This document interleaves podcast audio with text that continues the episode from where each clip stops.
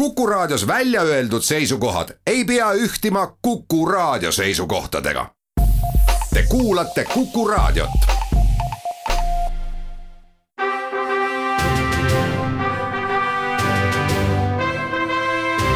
vahetund Tartu Postimehega.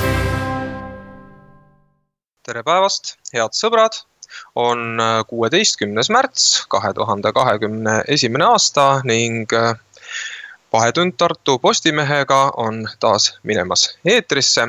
teeme seda saadet sel korral pisut äh, tavapäratus vormis, kui enamasti oleme siin proovinud äh, ajakirjanikega isekeskis nädala vältel enim silma ja kõrva jäänud äh, teemasid lahata, öelnud välja seda, mida meie nendest arvame või kuidas elust-olust aru saame. siis täna olen palunud kogu saate tarvis stuudiosse külalise tegemist on Tartu linnaarhitekti Tõnis Harjusega, tere. tere ja tänud kutsumast! Põhjus on lihtne, viimastel päevadel nii leheveergudel kui digilehes, aga väga paljuski ka sotsiaalmeedia erinevatel kontodel ja seintel on äh, taas pälvinud tähelepanu idee rajada äh, Tartu Tartu äh, kesklinna, täpsemalt siis äh, keskpargiks hüütava haljasala kohale äh, südalinna kultuurikeskus ehk niinimetatud Süku. ja sellega seoses on õhus mitmeid selliseid küsimusi, mille puhul võib öelda, et võib-olla on üht-teist jäänud seni piisavalt hästi lahti seletamata, kui me räägime sellest positsioonist, mida saab täita näiteks linnavalitsus. aga kindlasti on ka neid teemasid, mille puhul vastuseid ju veel ei ole, et need kuidagimoodi nüüd siin siis äh, kole sõna on öelda ära kaardistada, aga ma kohe praegu hoobilt ei tulnud parema sõna peale ka, nii et andke mulle palun see vääratus andeks. aga et, et, et, et nende asjadega kuskilt maalt siis edasi minna ja teha seda ka teadmises, et valimiste aasta, mis meil praegu käimas on, kindlasti selles teemas pakub jutuainet ohtrasti veel ja veel nii, nii kevadel, suvel kui ka kindlasti sügisel, siis olengi palunud Tõnis Harjuse siia selgitust jagama nüüd, mis Süku äh, viimaste päevade debatti puudutab, siis äh, on tähtis ära noh, märkida see, et tegemist on äh, selgelt kaheks jaguneva aruteluga. üks puudutab seda, mille osas on avaldatud äh, nüüd äh, kord siis kultuuritegelaste poolt, ütleme siis see on Tartu linna enda initsiatiiv olnud koguda allkirju Süku projekti toetuseks. Need enam kui viissada allkirja selle objekti rajamise nimel koguti kokku, saadeti parlamendisaadikutele, et see objekt peagi-peagi äh, saada äh, korraliku investeeringusumma siis Kultuurkapitali äh, fondist. aga samal ajal on ka neid inimesi, kes ütlevad, et, et Tartu kindlasti ei peaks olema praegu vähemalt selle objektiga mitte esimeste rinnas, kes, kes riigi, riigi toetuse pälvib, sest on kingi, mis märksa rohkem pitsitavad, noh räägitud on näiteks Narvast, aga toodud ka muid näiteid. nii et see on see esimene pool, mis puudutab eeskätt seda, kuivõrd kuivõrd Süku võiks olla riiklikult tähtis kultuuriobjekt, mis üldse vääriks äh, sellisest äh, allikast äh, suurt investeeringuraha saada. et see on kohalikus plaanis võib-olla teisejärguline küsimus üldse siis ma tahangi nüüd sissejuhatuseks, Tõnis Harjus, teie kui, kui eduka arhitekti ja seega ka selgelt kultuurieliiti kuuluva inimese käest küsida. et miks peaks Süku olema kultuuriobjektide nimistus nüüd sellisel positsioonil, mis väärib riiklikult tähtsa objektina käsitlemist ja mille, mille jaoks ei ole häbi siis küsida raha sellest samast allikast, kust sai näiteks omal ajal ERM või kust on saanud siis ka kunstimuuseum Kadriorus ja nii edasi mm. -hmm oi, milline hea küsimus ausalt öeldes. et häbi meil kindlasti ei ole, selles pole, selles pole mingit küsimust. aga kui sa nii küsid, siis tegelikult, kui me vaatame neid töid, mis on nüüd edasi ka saanud, siis seal on ju suurepäraseid ettepanekuid üle Eesti, mida absoluutselt minu arust võiks kõik valmis ehitada.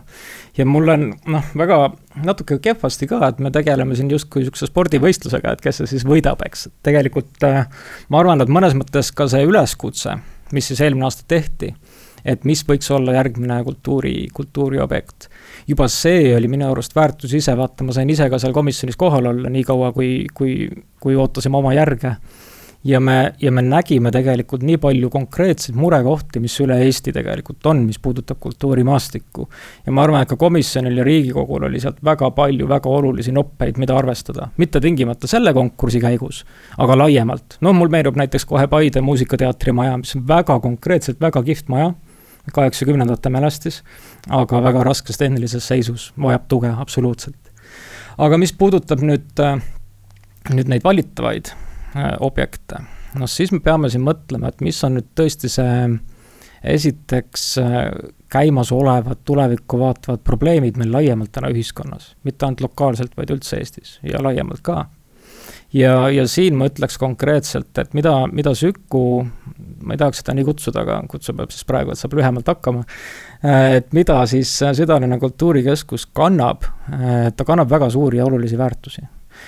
Üks osa on kindlasti see, et me räägime seal nendest ankur, ankurmajandajatest, äh, kelleks on Tartu Kunstimuuseum, eks kes äh, oma kogudega, kus on üle kahekümne tuhande unikaalse teose, on märkimisväärne Eesti riigi kunstipärand.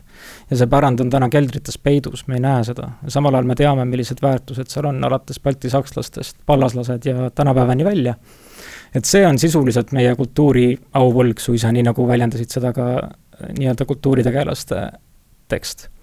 ja teine on Linnaraamatukogu. Äh, linnaraamatukogu äh, just nimelt see, mis paikneb täna siis vanalinnas, see on üllatavalt populaarne kogunemiskoht, koosolemise koht, kogukonna lõimimise koht. et ligi kolmsada tuhat inimest käib seal aastas läbi nüüd on loomulikult natuke teistsugused ajad, eks. Aga, aga ta on populaarne ja kui me vaatame ringi üle Euroopa, kõige lähemased ja ägedamad näited tegelikult on suisa Soomes olemas, mitte ainult Helsingi oodi, vaid ka muud näited. et siis me näeme seda, et ühiskond üha rohkem vajab äh, sellist äh, kogukonna lõimimise ruumi, sellist demokraatlikku vaba tarbimis, vaba olemise kohta et ta ei pruugi olla isegi teatud ruumid seal konkreetse eesmärgiga, vaid lihtsalt inimesed vajavadki kokkutulemise ruumi ja tänastes kriisides ja võib-olla tulevastes kriisides ma arvan, et sellise ruumi vajadus ainult suureneb, et me saaksime oma ühiskonda lõimida. ja mõnes mõttes nagu ka tänane debatt on hea näide sellest, kui, kuidas äh, ka täna selline kodus istumine, rohkem sotsiaalmeedias oma kajakambrites istumine, ta üha rohkem polariseerib diskussioone. ja seda olulisemaks muutub meie igapäevane avalik ruum. ja just no. nimelt seda kannab ka Süku Äh, jaa, aga sa kasutasid ise ka korduvalt äh, väljendit kogukond mm -hmm. ja siin on see peamine noh, kas siis justkui omistuskoht või, või siis kaalumiskoht, et mm, -hmm. et kas kogukonnaga tegelemine ehk siis mm -hmm. äh, ei peakski olema ennekõike Tartu kui omavalitsuse enda asi, et me siin näemegi noh, kas, kas minnes Sükule suurt riiklikku investeeringut küsima, Tartu ei tee mitte omamoodi rehepappi appi ja ei, ei, ei proovi nii-öelda omaenda inimeste kultuurimaja asja ära lahendada kuidagi üle-eestilise sildi all, mida ta päriselt ei ole. noh, siin on mitu nüanssi, esiteks nagu ma ütlesin, selle väga suure tuumiku moodustab siin Riiklik Kunstimuuseum, eks, oma kogudega. Ja see on riigipärand. Ja teiseks, kui me vaatame ka meie linna raamatukogu, siis tegelikult ligi kolmkümmend protsenti kasutajatest ei ole ju tartlased, vaid tegelikult juba täna on tema mõju, on regionaalne mõju ja kui me loome sellise hoone, kus on ka ja tervikliku avaliku ruumi, kus on see sünergia loodud, mis ka toob kokku tegelikult erinevaid kunsti- ja kultuurivaldkondi, kus selline olemise ruum äh, kohtub järsku uute avastuste innova-, innovatsiooniga, siis tegelikult sellest me ka rikastame loomulikult kohalikku kogukonda, aga me tegelikult anname võimaluse ka laiemale regioonile. ja, ja teatud mõttes ma näen seda ka sellise eeskujuprojektina, võiks öelda et, et Eestis me, me kindlasti tegeleme juba selle küsimusega, ka Riigikogus on ju tegelikult juba, kui mitte räägitud, siis hakatakse rääkima ka rahvaraamatukogude seaduse muutmisest. et raamatukogude roll muutub täna ühiskonnas ja peab muutuma ja me peamegi nendeks muutusteks valmis olema. et, et kas see teema on tegelikult riigis väga tugevalt üleval, et mõnes mõttes on Südalinna kultuurikeskus selline esimene pääsuke selles diskussioonis mm. -hmm. nii, äh, oleme nüüd siis äh, meie tänase saateplaani esimese punkti äh, edukalt täitnud, nii oligi mõeldud, et enne esimest reklaamipausi räägime ära selle kultuurkapitali ja, ja, ja riikliku rahastamise küsimuse ja rohkem sellele täna tähelepanu ei pööra. tahaksime olla, hoida fookuses rohkem need küsimused, mis tartlastele on enim kõneainet pakkunud, ehk siis sellest, miks just parki, kuidas parki, kas kuhugi mujale saaks ja millised on need kesklinna arendamise väärtused laiemas plaanis. aga käime siis tõepoolest praegu ära reklaamipausil ning siis juba nende lubatud küsimustega eh, jätkame.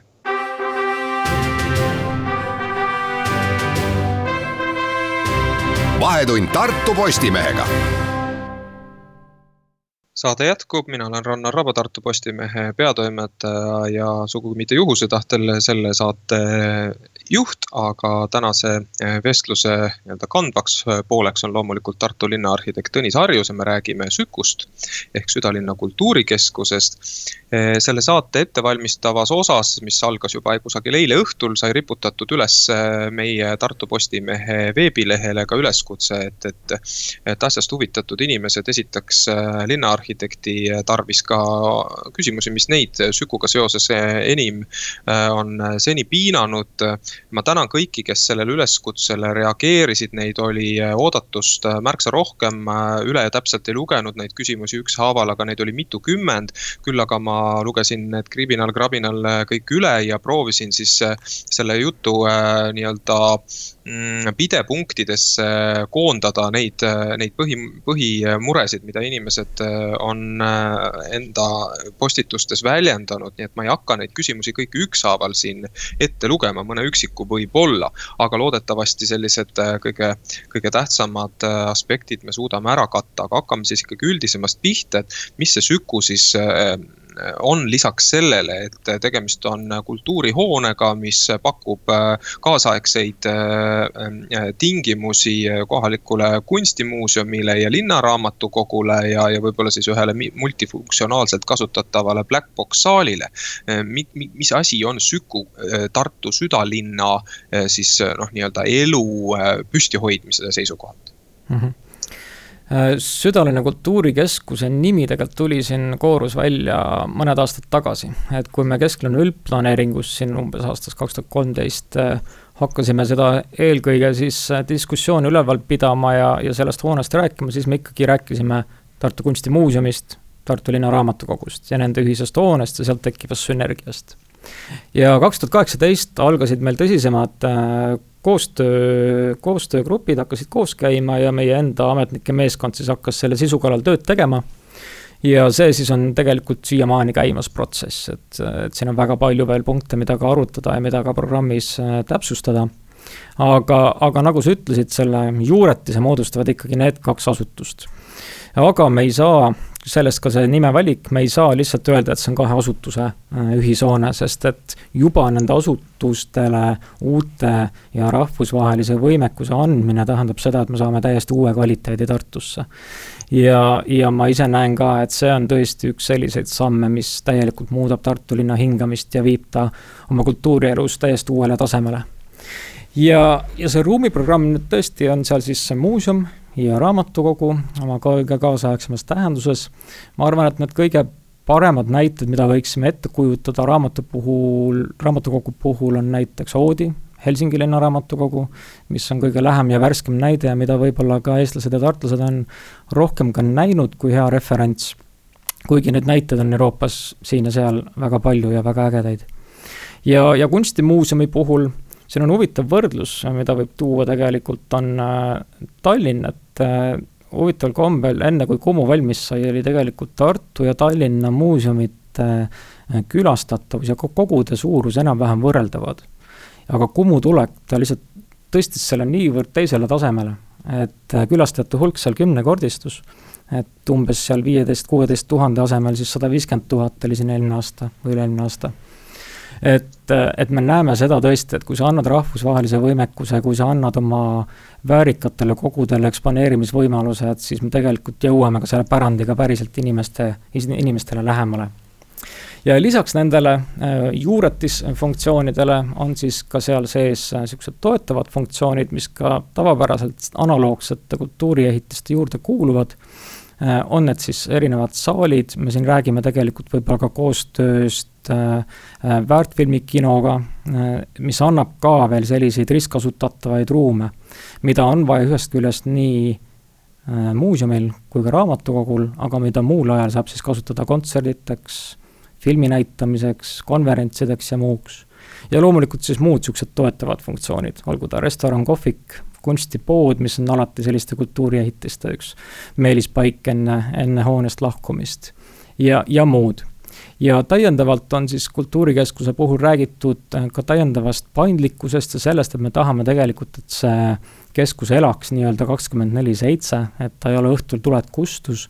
et siis selle tõttu on ka näidatud praegu sinna selline paindlik äh, kultuuritegevuse rendipinnad, mis nad täpselt on, ka selles osas täna tegelikult ka programmi analüüsi käigus me koostööd teeme ja arutleme nende teemade üle.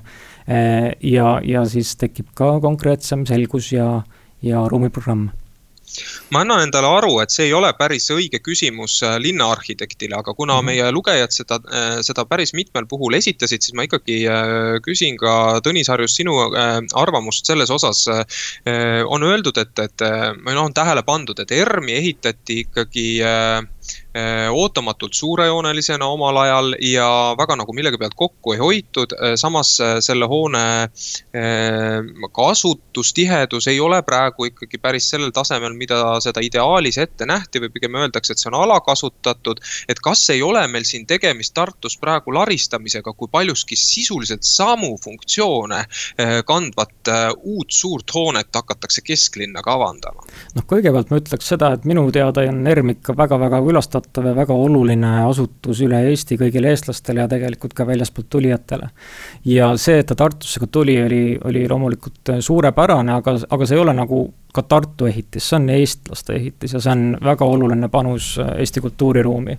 ja see on suurepärane asi. et ma ei alavääristaks sugugi mitte ERM-i kasutatavust ja külastatavust, kindlasti mitte. ja ERM on ka tõestanud seda, et tegelikult et äh, sa pead ka mõtlema multifunktsionaalsuse erinevate ristkasutuste peale ja nad on suutnud väga hästi oma programmi professionaalselt üles ehitada mis puudutab nüüd äh, Südalinna kultuurikeskust, siis kui me räägime juba nendest konkreetsetest asutustest, Linnaraamatukogu ja Kunstimuuseum, siis selge on see, et seda rolli ei saa ükski teine asutus kanda. et siin mõnikord on tõesti öeldud, et miks Termi ei tee nüüd muuseumit ja et kui seal kogusid niikuinii hoitakse praegu keldris ja miks sa raamatukogu ka sinna ei tee ei ole lihtsalt võimalik, see on teine asutus. ja, ja kui me räägime suurushullustusest, siis juba vaadates tegelikult seda tänast mõju äh, külastatavuse osas, kolmsada tuhat külastajat kesklinnas, linnaraamatukogus aastas, see on uskumatu, kui suurt rolli tegelikult see täna juba ühiskonnas mängib ja kui me kujutame ette, et me saavutame ruumiliste tingimustega äh, väga atraktiivses ja väga käidavas kohas äh, kõrgetasemelise arhitektuuriga sellise tugeva avaliku ruumi, siis äh, ma pigem muretsen, et see maja kipub kiiresti väikseks jääma, et ta, temast saab tõepoolest tugev tõmbenumber mm. -hmm. nii, käime nüüd ära äh, pooltunni uudiste juures ja siis Süku teemadel jätkame.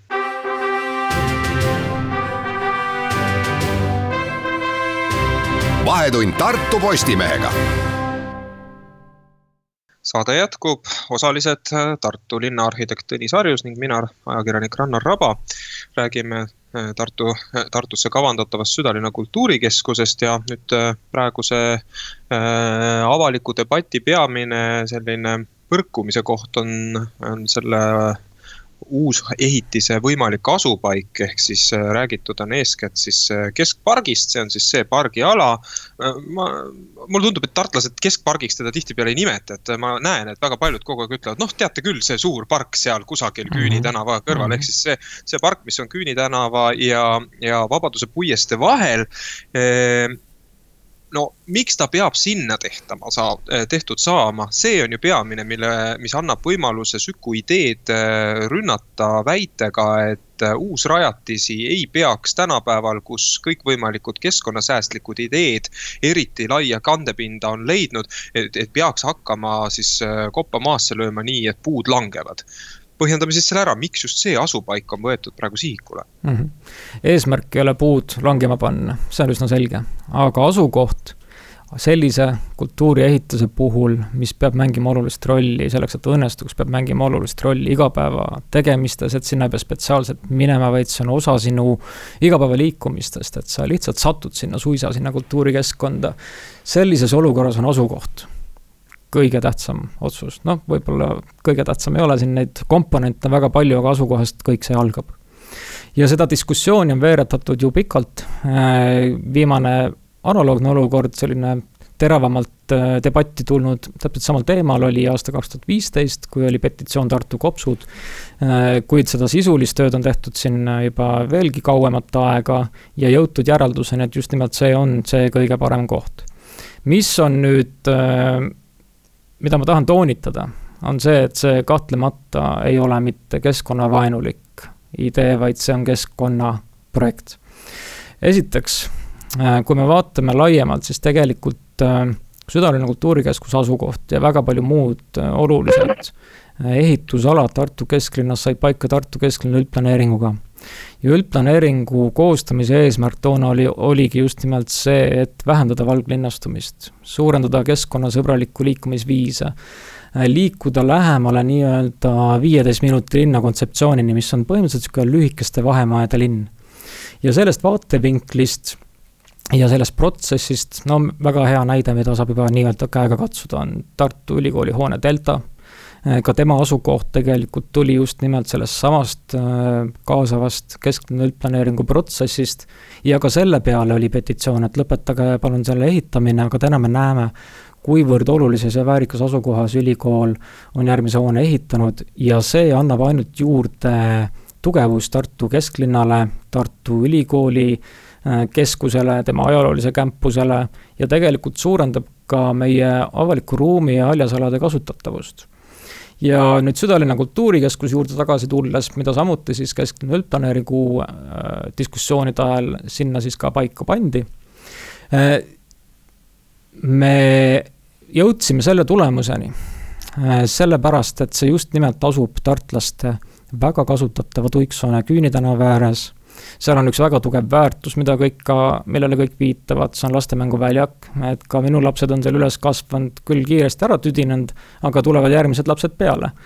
ja kui nüüd kujutad ette, et sealsamas keskkonnas, kus suurem osa pargiala säilib, seal lastemängoväljaku kõrval on sul linnaraamatukogu ruumid, kus sul on eraldi lastenurgad ja noortenurgad, tegevusi iga, iga, igale vanusele, siis see mitte ei kahanda selle Haljasala pargi väärtust, vaid vastupidi, sinna tekib avalikku ruumi, tegevusi ja võimalusi inimestele juurde. me sisuliselt. küsimus ikkagi ma lõikan vahele, vabandust uh, mhm. -huh. aga siin on vaja see kõige tähtsam küsimus ära vastata niimoodi, et kõik saaksid sellest ühtviisi aru. mis ikkagi oleks selle ehit-, ehitise kerkimisel see, mis tuleks ohverdada. Eh, juttu käib, jutt käib siin kuidagi umbmääraselt, esiteks maht on arusaamatu, kui suur -hmm. see hoone seal pargi keskel saaks või peaks olema ja teiseks ikkagi, mitu puud langeb, kust langeb, kui palju mingit muud rohelust peab kaduma sest lõppude lõpuks mhm. ehitada ikkagi päris äh, nii ei saa, et kõik, mis olemas on, ju säilib. absoluutselt ma tahan kahte asja toonitada, üks on see, et üldplaneeringus on konkreetselt öeldud vähemalt, vähemalt viiskümmend protsenti pargialast peab säilima. ja see on, ma arvan, väga oluline piir, et mitte mingil tingimusel ei ole võimalik, et üle poole pargi sealt äh, kaob.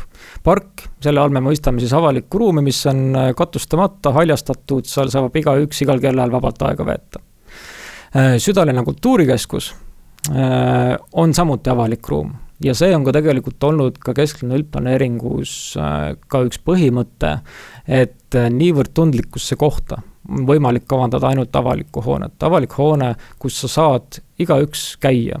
no kui me kujutame ette siin näiteks, et kavandatakse järjekordset kortermaja või ärihoonet kusagile linna, siis üsna suur tõenäosus on, et siin saja tuhande elanikuga linnas sa ilmselt oma elu jooksul seal võib-olla ei satu sellesse hoonesse, sul lihtsalt ei ole nii palju tuttavaid ja sõpru, kes seal võib-olla tegutseks ja elaks avalike hoonesse, raamatukogusse, kunstimuuseumisse, mm, ilmselgelt sa satud sinna eluajal ja korduvalt. ja see tähendab seda, et see on osa sellest avalikust ruumist, see on osa sellest pargiruumist ja, ja see ei ole kontrast, me ei tohiks siin võrrelda parki hoonega, betooni, rohelisusega. et need ei ole vastandlikud väärtused, kuna tegemist on väga olulise avaliku funktsiooniga. ikkagi nii palju, kui äh, mina olen seda parki vaadanud siit ja sealt äh, küljest ka aerofotode pealt mm, -hmm. siis olen enese jaoks noh, niimoodi vaimusilmas teinud sellise ettekujutuse, et tegemist on sisuliselt ühe kastiga, mida ääristab kõigist neljast küljest kõrgete elujõuliste puude rivi. pluss siis kusagil, mitte päris keskel, aga pisut sinna Raekoja platsi poole on veel üks kõrgem puude rivi ja seal vahel on siis sellist keskmise kõrgusega või päris madalat madalat haljastust mm. -hmm kui palju sellest olemasolevast, ma pean ennekõike muidugi silmas neid äh, elujõulisi suuri puid, on mm -hmm. võimalik säilitada nii, et sinna keskele see süku oma ideaalsel kujul saaks äh, päriselt kerkida kui me vaatame tänast ruumiprogrammi, kuhu me oleme senise kaasamistööga jõudnud, äh, siis see tegelikult hõlmaks, kui ta oleks kolmekordne maja, siis ta hõlmaks vähem kui pool pargi pindala. mis tähendab seda, et kuna see tulemus leitakse läbi rahvusvahelise arhitektuurivõistluse, siis on äh, kümneid erinevaid viise, kuidas seda hoonet sinna paigutada. sellisel kujul, et äh, ka võimalikult palju kõrghaljastust äh, selles pargis säiliks. meil käib täna paralleelselt ka väga tore koostöö Kunstiakadeemia tudengitega, kes oma kolmse, kolmanda kursuse projekti teevad just nimelt sellesama ruumiprogrammi pealt. ja eelmisel nädalal toimunud vaheülevaatusel juba siis oli näha ligi kümmet erinevat varianti kuidas on võimalik äh, väärikat hoonet sellisesse väga tundlikusse keskkonda luua. Neid lahendusi on väga erinevaid Äh, need erinevad väärtused, mis täna ka tegelikult ka debatis tuleb väga hästi välja noppida. Äh, ilma emotsioonideta vaadata, mida inimesed väärtuseks peavad, need sealt välja noppida, need rahvusvahelisse arhitektuurivõistlustingimustesse kirja panna ja siis on võimalik see, et osalejad saavad nende väärtustega nii palju kui võimalik arvestada, vaadata, mida rohkem rõhutada, mida vähem ja, ja saavutada tulemus, mis äh, on, ütleme nii, et ideaalilähedane no ja, et ma saan mõist-, äh, sellest aru, äh, kui öeldakse, et säilitada rohelusest äh, ja, ja praegusest kõrghaljastusest nii palju kui võimalik mm. -hmm. aga kui peaks töö käigus selguma, et see nii palju kui võimalik on võib-olla ainult kakskümmend protsenti praegusest. noh, et kuidas siis see saab kokku kõlksuda sellega, mida inimesed praegu pargi all tunnetavad no see on muidugi eraldi teema ja debatt, millest võib-olla siin kindlasti lähipäevil, ma arvan, et ka ökoloogid Äh, ja maastikuarhitektid võib-olla isegi rohkem sõna võtavad. et mida inimesed pargi all üldse mõistavad, et kas tänane see keskkond seal on pargi, pargina mõistetav täie, täielikuna või mitte. Äh, see on, see on nii ja naa. aga ma ütlen seda, et ma arvan, et kõige tähtsam ongi see praegu, et mm, ka ma ise loen väga palju kommentaariumeid, see võib-olla ei ole vaimsele tervisele kõige kasulikum alati, aga see on oluline sellepärast, et sealt emotsiooni tagant et sa leiad tegelikult üles väga palju väga olulisi detaile, mida inimesed väärtustavad. üks detail kusjuures, mida ma ei näe debattides, mis minu arust on Tartule väga oluline sümbol, on need hakiparved mis tõusevad sealt lendu ja sooritavad sulle Tartu linna taeval, taeval tõeliselt ägedaid vaatamisväärsusi. et kui mina esimest korda Tartusse tulin, siis minu jaoks jäi suu lahti, et milline huvitav Äh, looduslik äh, kooslus on tekkinud kesklinna ja kuidas see tegelikult on väga hästi ka laiemale avalikkusele, ka väljapoole Tartut selline äh, tugev sõnum. Ja ma arvan, et see on nagu ka üks väärtus tegelikult, mida kirjeldada, millega arvestada. Ja, ja see seab ka teatud tingimused, looduslikud tingimused, mida siis ka selle hoone paigutamisel tuleb arvestada. teeme veel korra reklaamipausi ja siis jääb meil veel veerand saadet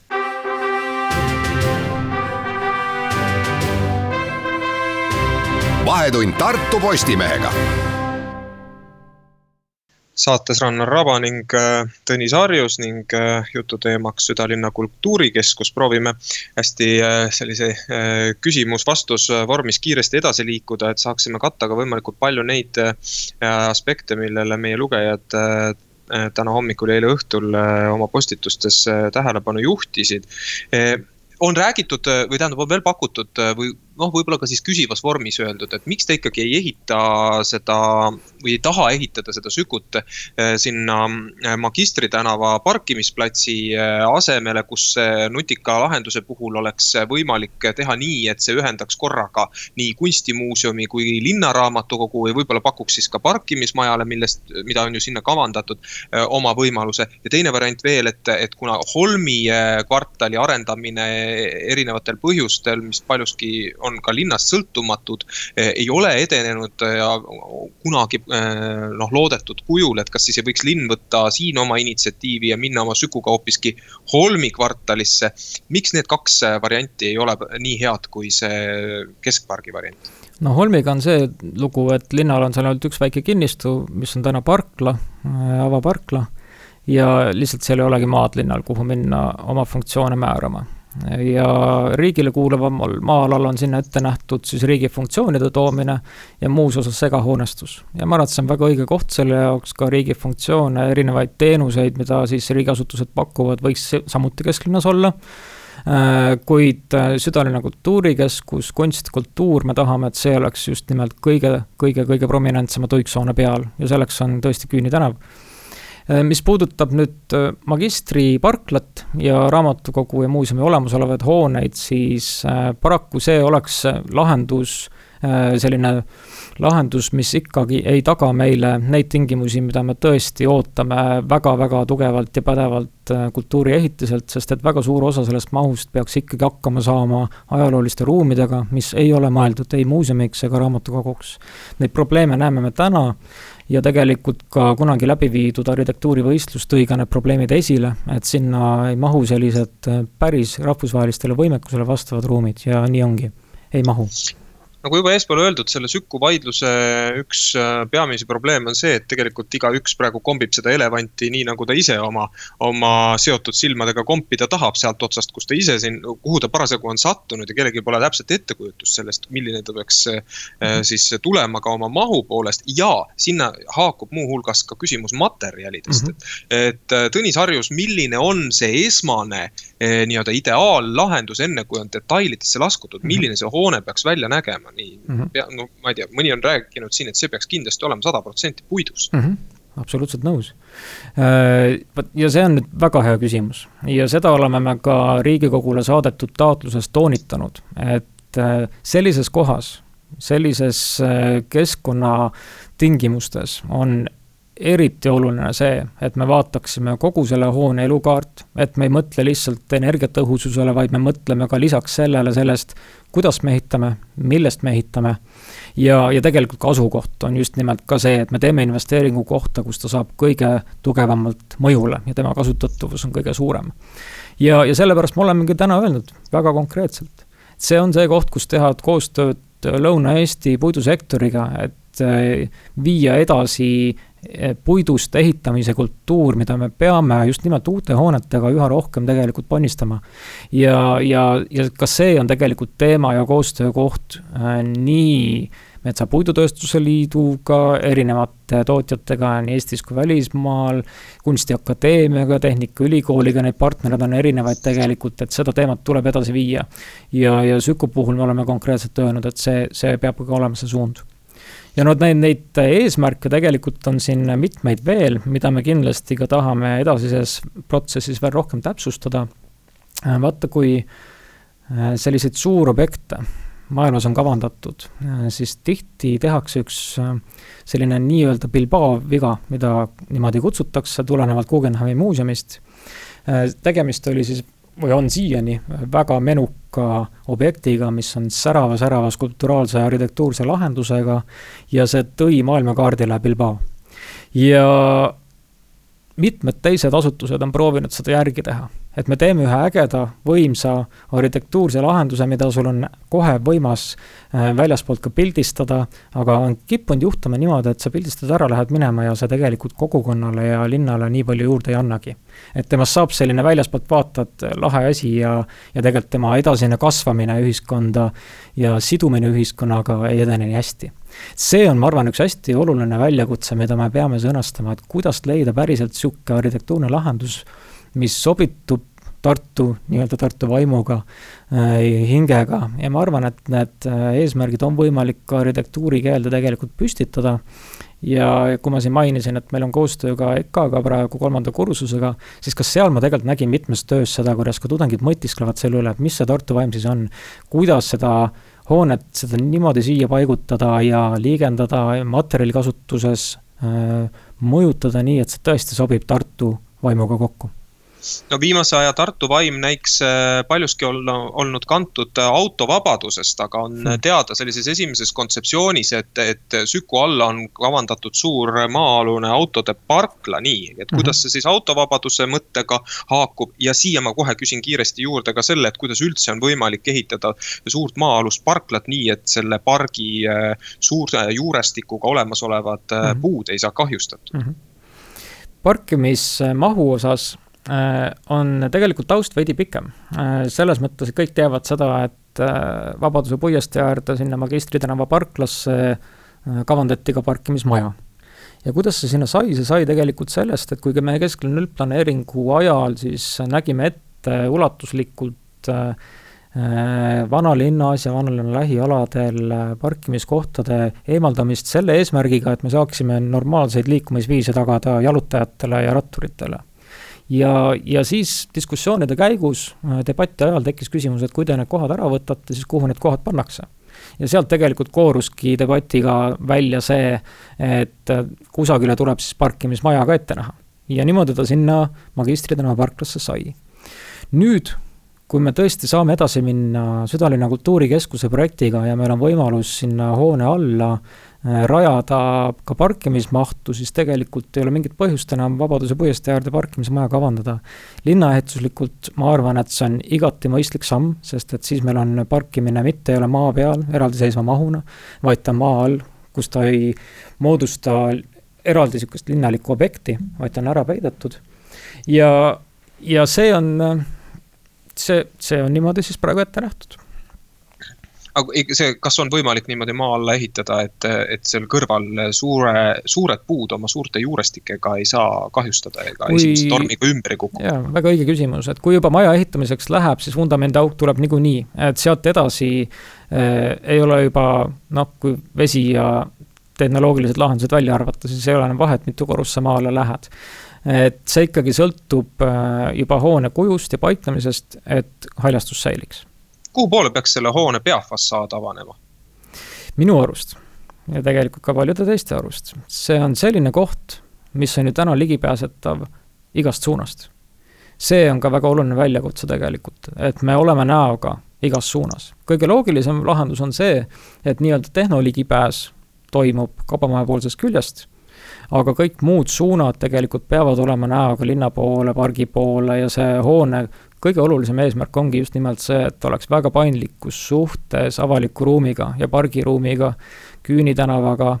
seda me oleme näinud ka väga heades maailmanäidetes, kus kunstimuuseum tuleb oma tegevustega otse õue äh, raamatukogust laenatud raamatu loed seda seal pargikeskkonnas ja vastupidi, sul on võimalik pargi tegevusi viia ka siseruumidesse ja nii-öelda pikendada pargi kasutust ka aastaringseks kasutuseks meie saate aeg on halastamatult äh, päris, päris lõpusirgele tiksunud. Äh, üks äh, oluline mm, küsimus, mis selleteemalistest debattidest ikka alati läbi jookseb, on see, et miks me ikkagi ei võiks puhtalt ajaloolise õigluse nimel noh kogu, äh, kõiki sõjahaavasid äh, kaotada ei ole võimalik, aga miks ei võiks selles asupaigas hoopiski mõelda omaaegse kaubahoovi kasvõi mahu ja väljanägemise poolest taastamisele.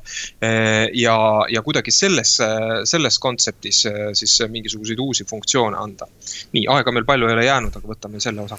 Neid lähenemisi tõesti on väga palju, et et äh, on tõesti väga palju ka neid, kes ütlevad, et üldse kõik sõjahaavad tuleb täis ehitada ja seal on erinevaid arvamusi, mõni arvab, et uues vormikeeles, mõni arvab, et ajalooliste koopiatena.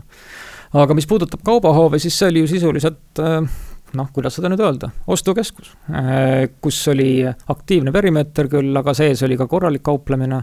ja, ja kuna me täna seda sellist funktsiooni sinna ette ikkagi ei näe, siis ilmselgelt ka tema arhitektuurne ja vormiline ja mahuline lahendus ei ole ka tänases päevas aktuaalne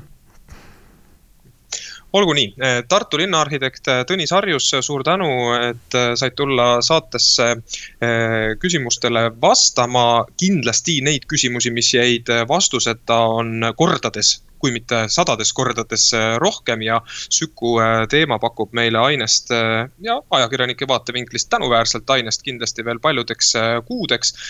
soovin nii linnaarhitektile kui ka kõikidele teistele, kellele see teema korda läheb, palju jõudu ja teravat meelt, et Tartu saaks lõppude lõpuks parima lahenduse, ükskõik milline ta siis on vahetund Tartu Postimehega läheb jälle eetrisse järgmisel nädalal, seniks kuulmiseni.